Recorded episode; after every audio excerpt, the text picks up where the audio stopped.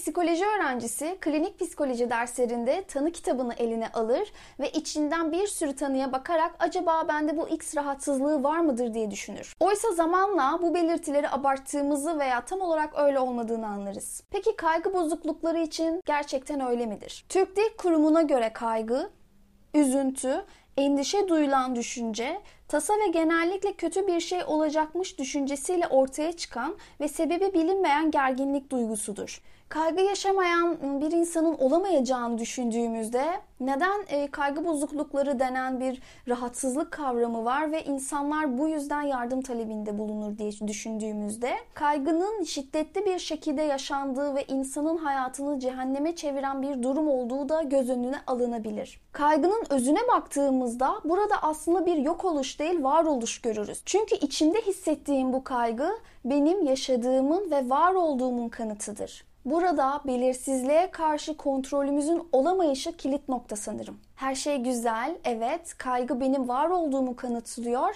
ama yaşadığım sıkıntıları dindirmek konusunda pek fazla yardımcı olmuyor. Bu konuda ağrının ve acının işlevine baktığımda aslında bir alarm ve uyarıcı nitelik taşıdığını görüyorum. Kaygı bozuklukları denilince akla ilk gelen şey anksiyete olabilir. Fakat birçok alt başlığı vardır ve bu başlıkları incelediğimizde e, topluluk önünde konuşma, ciddi bir şekilde nedenini bilemediğim ama sürekli ölecekmiş gibi hislerin gelmesi, kalabalık ortamlara girememe, e, köpek, böcek, uçak fobisi gibi e, spesifik fobiler yaşamam. Daha önce panik atak geçirdiyseniz ve tekrar panik atak geçirir miyim diye hissettiğiniz kaygıyı konuşacağız. Bunlar yaygın kaygı bozuklukları, panik bozukluk, agorafobi, sosyal kaygı bozukluğu ve özgül fobilerdir. Yaygın kaygı bozukluğu endişenin aşırı, kontrol edilemez ve uzun süreli halidir.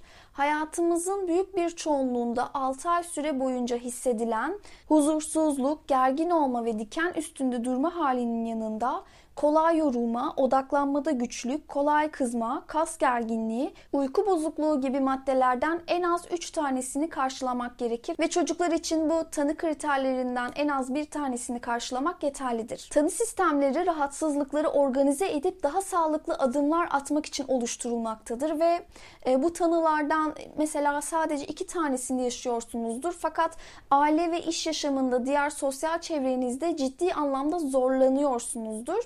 Bu açıdan ele aldığımızda ben tanıları tamamlamayla karşılamıyorum. Bu yüzden yardım almama gerek yok gibi düşünmemelisiniz. Bu sadece kaygı bozukluğu için değil, diğer rahatsızlıklar için de geçerli. Buradaki temel durum sizin kendinizi nasıl hissettiğinizdir ve kendinizde neyi geliştirmek istediğinizle alakalıdır. Kaygı bozukluklarında eş tanı çok yaygındır. Özellikle depresyon çok sık görülür. Bunun yanında madde kullanım bozukluğu veya e, OKB gibi diğer tanılar da görülebilir. Çocukluk döneminde yaşanan bazı durumlar yaygın kaygı bozukluğunu yordayabilir. Hayatımızın erken dönemlerinde bize bakım veren kişileri anne veya baba veya başka kişileri güvenli ve sığınacak liman olarak algılarız. Ve aramızdaki bu bağ ne kadar sağlamsa dünyaya bu bakış açısıyla bakarız. Bu sebeple aradaki bağın bozulması dünyayı tehlikeli bir yer gibi algılamamıza sebep olabilir. Aşırı ihmal edilmiş çocuklar ve diğer zıt kutupta aşırı korunan çocuklar için dünya tehlikelidir ve bunun e, kaygı verici bir düzeyde olması yetişkinlikte bile görülebilir. Yani burada hissedilen kaygıyı kişinin kendisine ördüğü bir duvar, tehlikeli dünyaya karşı bir savunma mekanizması olarak düşünebiliriz. Bu açıdan baktığımızda bu gayet anlaşılır gelmektedir. Şema ekolüne göre dört tip dayanıksızlık türü vardır ve bunlardan ilki sağlık ve hastalıktır. Doktor doktor gezersiniz ve tetkikler sonucu gayet sağlıklı olduğunuz görünür fakat yine de ikna olmazsınız. Örneğin başınız ağrıdığında hemen araştırıp beyninizde bir tümör olduğunu düşünebilirsiniz. Bedeninizdeki değişimlere ve uyarılara karşı aşırı endişelenirsiniz. Bir diğeri tehlike kendinize ve yakın çevrenize karşı aşırı bir güvenlik e, alma ihtiyacı duyabilirsiniz. Dışarıdaki dünya %100 kötüdür ve bu duruma dair bazı önlemler almak istersiniz. Yine de içiniz bir şekilde rahat etmez. Bu durum aynı şekilde doğal afetler içinde aşırı endişelenmenize yol açabilir. Buradaki bir diğer madde parasızlık. Geliriniz olsa dahi sürekli ekonomik anlamda kaygılanırsınız. Ortada bir sebep yoktur ve patronunuzun bir bakışından yarın kesin kovulacağım diye düşünebilirsiniz ve bu sizin e, uykusuz geceler yaşamanıza sebep olabilir. Tutumlu olmak ve parayı planlı bir şekilde harcamayı öğrenmek iyidir. Fakat hayatımızı olumsuz yönde etkileyebilecek seviyeye geldiğinde bunu telafi etmemiz gerekir. Son madde olan dayanıksızlık türüne geldiğimizde ise bir anda delireceğinizden ve kontrolü kaybedeceğinizden korkarsınız. Bu da yine ciddi anlamda kaygı yaratabilir. Bahsettiğim maddelerden herhangi birine sahip olmanızın nedeni bu şemalara ait ebeveynlerinizin olması olabilir. Yani ailenizin fazla korumacı davranarak akşam geç saatlerde dışarı çıkmanızı engellemesi veya bu konuda fazla ikaz etmesi sonucunda yetişkin olduğunuzda dahi dünyaya karşı e, bir güvenlik alma ihtiyacı duymuş olabilirsiniz. Bu örnek tehlike maddesi için geçerlidir ve yine aynı zamanda erken çocukluk döneminizde ciddi parasızlık, hastalık geçmişi veya bir tanıdığınızı kaybetmek gibi travmalar yaşamış olabilirsiniz. Kaygı bozuklukları genellikle erken başlangıçlıdır fakat yetişkinlikte daha da şiddetlenebilir. Bunun sebebi yetişkin hayatında bazı stres verici olayları çözmemiz gerektiğidir. İşte o zaman daha önce aktiflenmemiş bu kaygı şemaları o an bir stres yaşadığımızda aktiflenebilir. Yaygın kaygı bozukluğunun tedavisinde en etkili yöntemlerden birisi olan bilişsel davranışçı terapidir. Gün içinde düşünmediğimiz bir an bile yoktur ve bu düşüncelerimiz depresyon bölümünde belirttiğim gibi her zaman bize doğruları söylemez. Farklı şekillerde çarpıtılmış olabilirler ve bu çarpıtılmış fikirler yine bahsettiğim çocukluk döneminden gelen temel inançlarımızdan kaynaklanabilir. Bilişsel davranışçı terapide ise öncelikle durumumuza göre otomatik düşüncelerimiz saptanır ve bu otomatik düşünceleri neden olan temel inançlarımıza doğru ilerlenir. Evet ben çocukluk dönemimde bir travma yaşadım ve dünyayı artık bu şekilde algılıyorum şeklinde bir yüzleşmeden sonra orada bırakılmaz tabii ki. Şimdi bu çarpıtılmış düşüncelerimiz daha gerçekçi olanlar ile tekrar yapılandırılır. Böyle cümleler bazında söylediğimde pek anlaşılır gelmeyebilir. Bu çok normal. Birazdan e, daha farklı örnekler verdiğimde daha iyi anlayacaksınız. Çocukluğumuzdan beri bizimle gelen bu temel inançları değiştirmek her zaman kolay olmayacaktır. Bu sebeple nüksün yaşanması bir hayal kırıklığı yaşatmasın. E, her zaman olasıdır ve normaldir. Kaygı bozuklukları için kullanılan birçok teknik vardır. Bunlardan bir tanesini örnek vermem gerekirse günlük duygu durum kontrolüdür. Size kaygı veren ve olumsuz düşünmenize sebep olan her neyse bunu yazın ve bu olayın gerçekleşme ihtimalini ise yüzdelik olarak yanına belirtebilirsiniz. İçimden çok kötü bir his geçiyor ve her an ölecekmişim gibi hissediyorum ve yanına %70 olarak belirttik. Ve şimdi bu olayı neyin tetiklediğini yazabiliriz. Örneğin güneş battıktan sonra, evde yalnız kaldığımda veya iş yerinde bir kriz yaşadığımda olabilir. Şimdi ise en keyifli kısım olan olumsuz düşüncelerin her birine karşılık bir olumlu düşünce eklemektir. Bu her an ölecekmiş gibi hissetme durumunu örnek vermem gerekirse şunları söyleyebilirsiniz. Her an ölecekmişim gibi hissetmemin sebebi yaşadığım kaygıdan dolayı yanlış düşüncelerimden kaynaklanıyor. Hayatımda bazı şeyler yolunda gitmeyebilir ama şu an iyiyim ve bunun üstesinden gelebileceğime inanıyorum. Diğer gecelerde bu kaygıyı hissetmiştim ve o zamanlar hiçbir şey olmamıştı ve şimdi de hiçbir şey olmayacak. Eğer gevşeme egzersizlerini uygularsam şu an tekrar iyi hissedeceğim ve buna inancım %100. Bunun gibi bir örneğe benzer düşüncelerinizi somut olarak yazdığınızda daha sonra bu krizi yaşadığınız an onu çıkarıp okumak ciddi anlamda yarar sağlayacaktır. Daha henüz bu krizi yaşamadan önce kendinize bu tarz başa çıkma kartları hazırlarsanız eğer kriz anında gelen yanlış düşüncelerinizi daha iyi yönlendirmiş olursunuz. Kaygı bozuklukları için önemli olan bir diğer konu örnekte belirttiğim gevşeme egzersizleridir. Hem gevşeme egzersizleri, bilinçli farkındalık yani mindfulness veya meditasyonlar kaygı bozuklukları için ciddi anlamda iyidir. Yine panik bozukluk içinde ana odaklanmak ve odağınızı istediğiniz şekilde kontrol altına almak önemlidir. Panik atak vücudumuzun bir anda tehlike algılayıp alarm verme durumudur. Örneğin koştuğunuz zaman kalbiniz hızla çarpmaya başlar çünkü vücudumuz duruma adapte olmaya çalışıyordur. Fakat ortada bir neden yokken panik atak bir anda ortaya çıkabilir. Genellikle acile gidilir ve ortada herhangi bir sorun olmadığı söylenir. Sonra kardiyoloğa veya diğer doktorları gidildikten sonra durumun psikolojik olduğu görülür. Panik atak geçirdiğiniz söylenir. Yine de çoğu insan bu duruma ikna olmaz ve doktora gitmeye devam eder. Tamam panik atak geçirdim ve vücudumda herhangi bir sıkıntı yokmuş.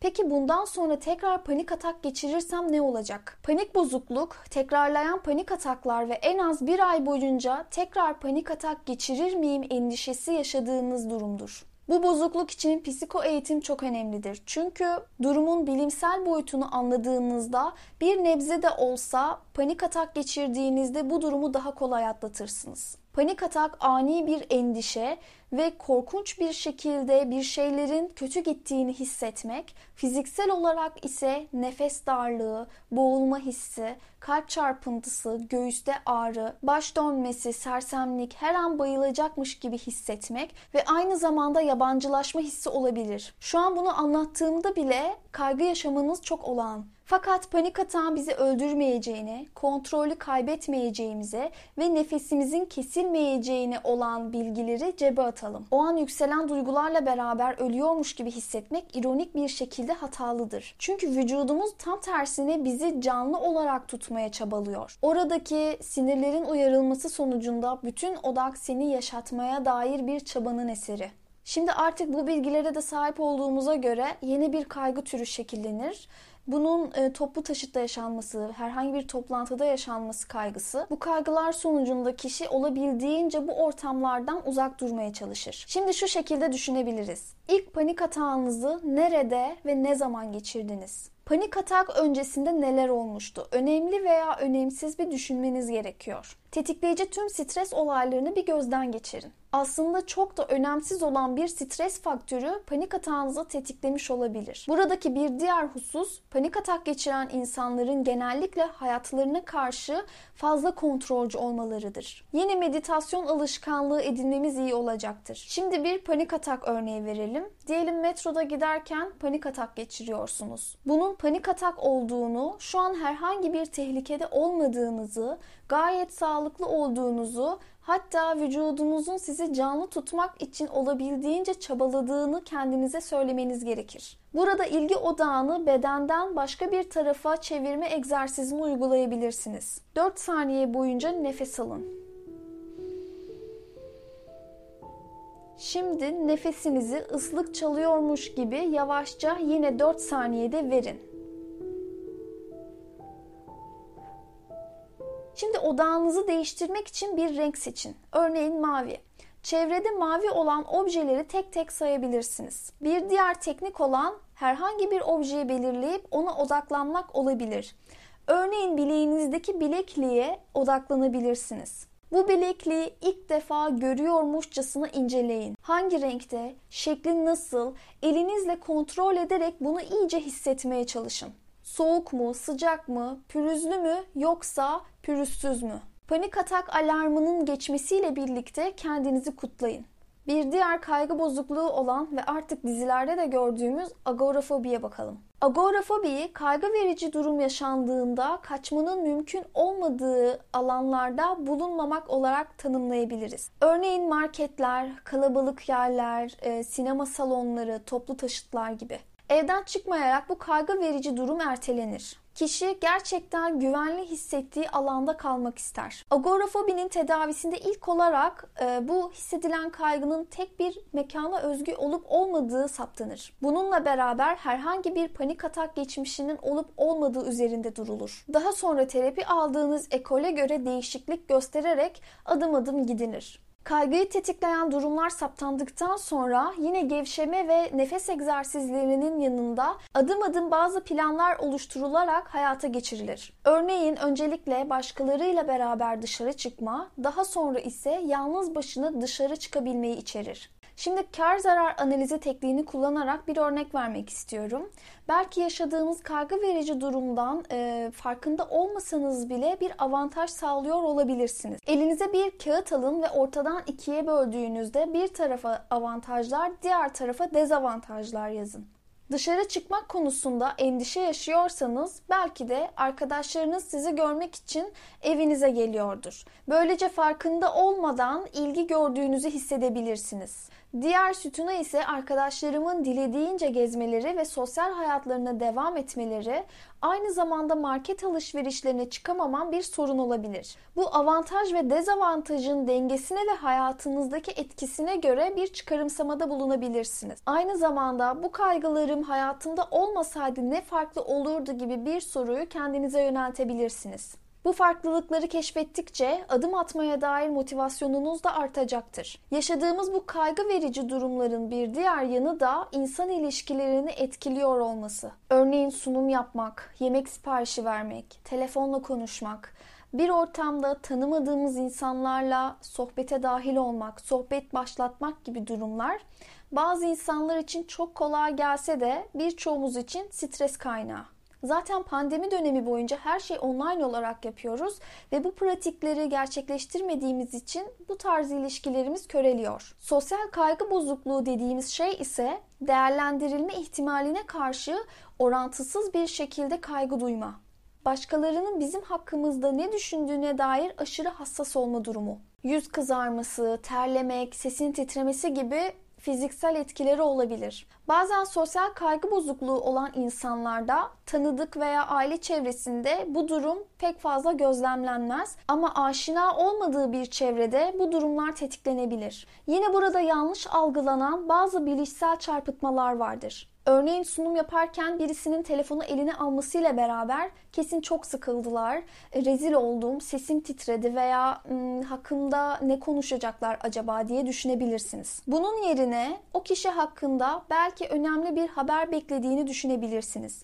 Aynı zamanda o kişinin ilgisinin dağılması veya sıkılması gayet olağan bir durum. Burada herhangi bir sesin titremesi veya kızarmanız rezil olduğunuz anlamına gelmez. Ve insanlar emin olun bunun üzerine günlerce konuşmayacaklardır veya hiç farkında bile değillerdir. Bu söylediklerimi sunum yaparken kendinize bir iç ses olarak tekrarlayın. Sosyal kaygınızı yenebilmek için roleplay yapmanız gerekir ve çevrenizden yardım alabilirsiniz. Geliştirmek istediğiniz herhangi bir davranışı böylelikle deneyimleyebilirsiniz. Veya herhangi bir markete giderek bir ürün hakkında soru sorabilirsiniz. Soru sorduğunuz kişi durumun farkına varmayacaktır ve görevini yaparken siz de aynı zamanda sosyal kaygınızı yenebilirsiniz. En iyi konuşmacılar bile heyecan yaşar fakat bu durumu yönetebildikleri için bunun farkına varmayız. Markete gidip bir ürün sorma veya yemek siparişi verirken bu görevi üstlenmek bizim gerçekten kaygılarımızın üzerine gittiğimizi gösterir.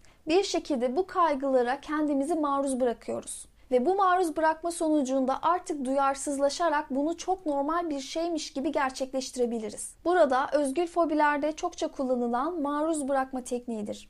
Literatürde adını dahi duymadığımız birçok fobi vardır ama en fazla karşılaştığımız fobiler arasında kan korkusu vardır veya enjeksiyon korkusu. Diğer sıkça görülen fobiler arasında böcek korkusu, kedi köpek korkusu, e, yükseklikten korkma, dar ve kapalı alanlardan korkmak gibi fobiler vardır. Birçok fobi hayatımızı sekteye uğratmadığı için yardım talebinde bulunmamıza gerek yoktur. Fakat 20. katta oturuyorsanız ve asansöre binme konusunda ciddi kaygılarınız varsa bu durumda yardım almanız gerekir. Fobilerde maruz bırakma tekniğinin başarılı olduğundan söz etmiştim. Çok basit olarak köpek fobisini merdiven modeline göre uygulayalım en az kaygı veren durumdan en fazla kaygı veren duruma doğru adım adım yazarız. Örneğin sadece köpek imgesini imajine edebiliriz. Daha sonra internetten köpek fotoğraflarına bakabiliriz. Bunun bir adım sonrası köpek videoları izlemek olacaktır. Şimdi gerçek hayatta daha canlı bir şekilde bunu gerçekleştirebiliriz.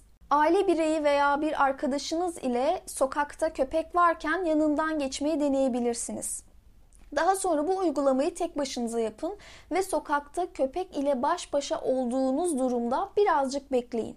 Son madde olarak ise köpeğin başını sevme hedeflenebilir. Gerçekleştirdiğiniz her adım için kendinizi kutlayın ve bu adımların arasında çok hızlı geçiş yapmamaya özen gösterin. Bu teknikte eğer çok önemli değilse son hedefi gerçekleştirmenize gerek olmayabilir. Örneğin yılan korkunuz varsa mutlaka yılanı elinize alıp sevmenize gerek yoktur. Kaygı bozuklukları için herhangi bir yardım almaktan çekinmeyin ve gideceğiniz psikolog veya doktorunuzun e, hangi alanlarda çalışmalar yaptığını göz önünde bulundurun. Aynı zamanda kendine yardım kitaplarından da faydalanabilirsiniz. Alacağınız kitabın yazarının uzmanlık alanını yeterli bir bilimsel altyapıyla oluşturulup oluşturulmadığını göz önünde bulundurun. Unutmayın, yaşadığınız her neyse bunu yaşayan sadece siz değilsiniz ve bu tedavisi mümkün olmayan bir durum değil. Bir sonraki bölümde görüşmek üzere, hoşçakalın.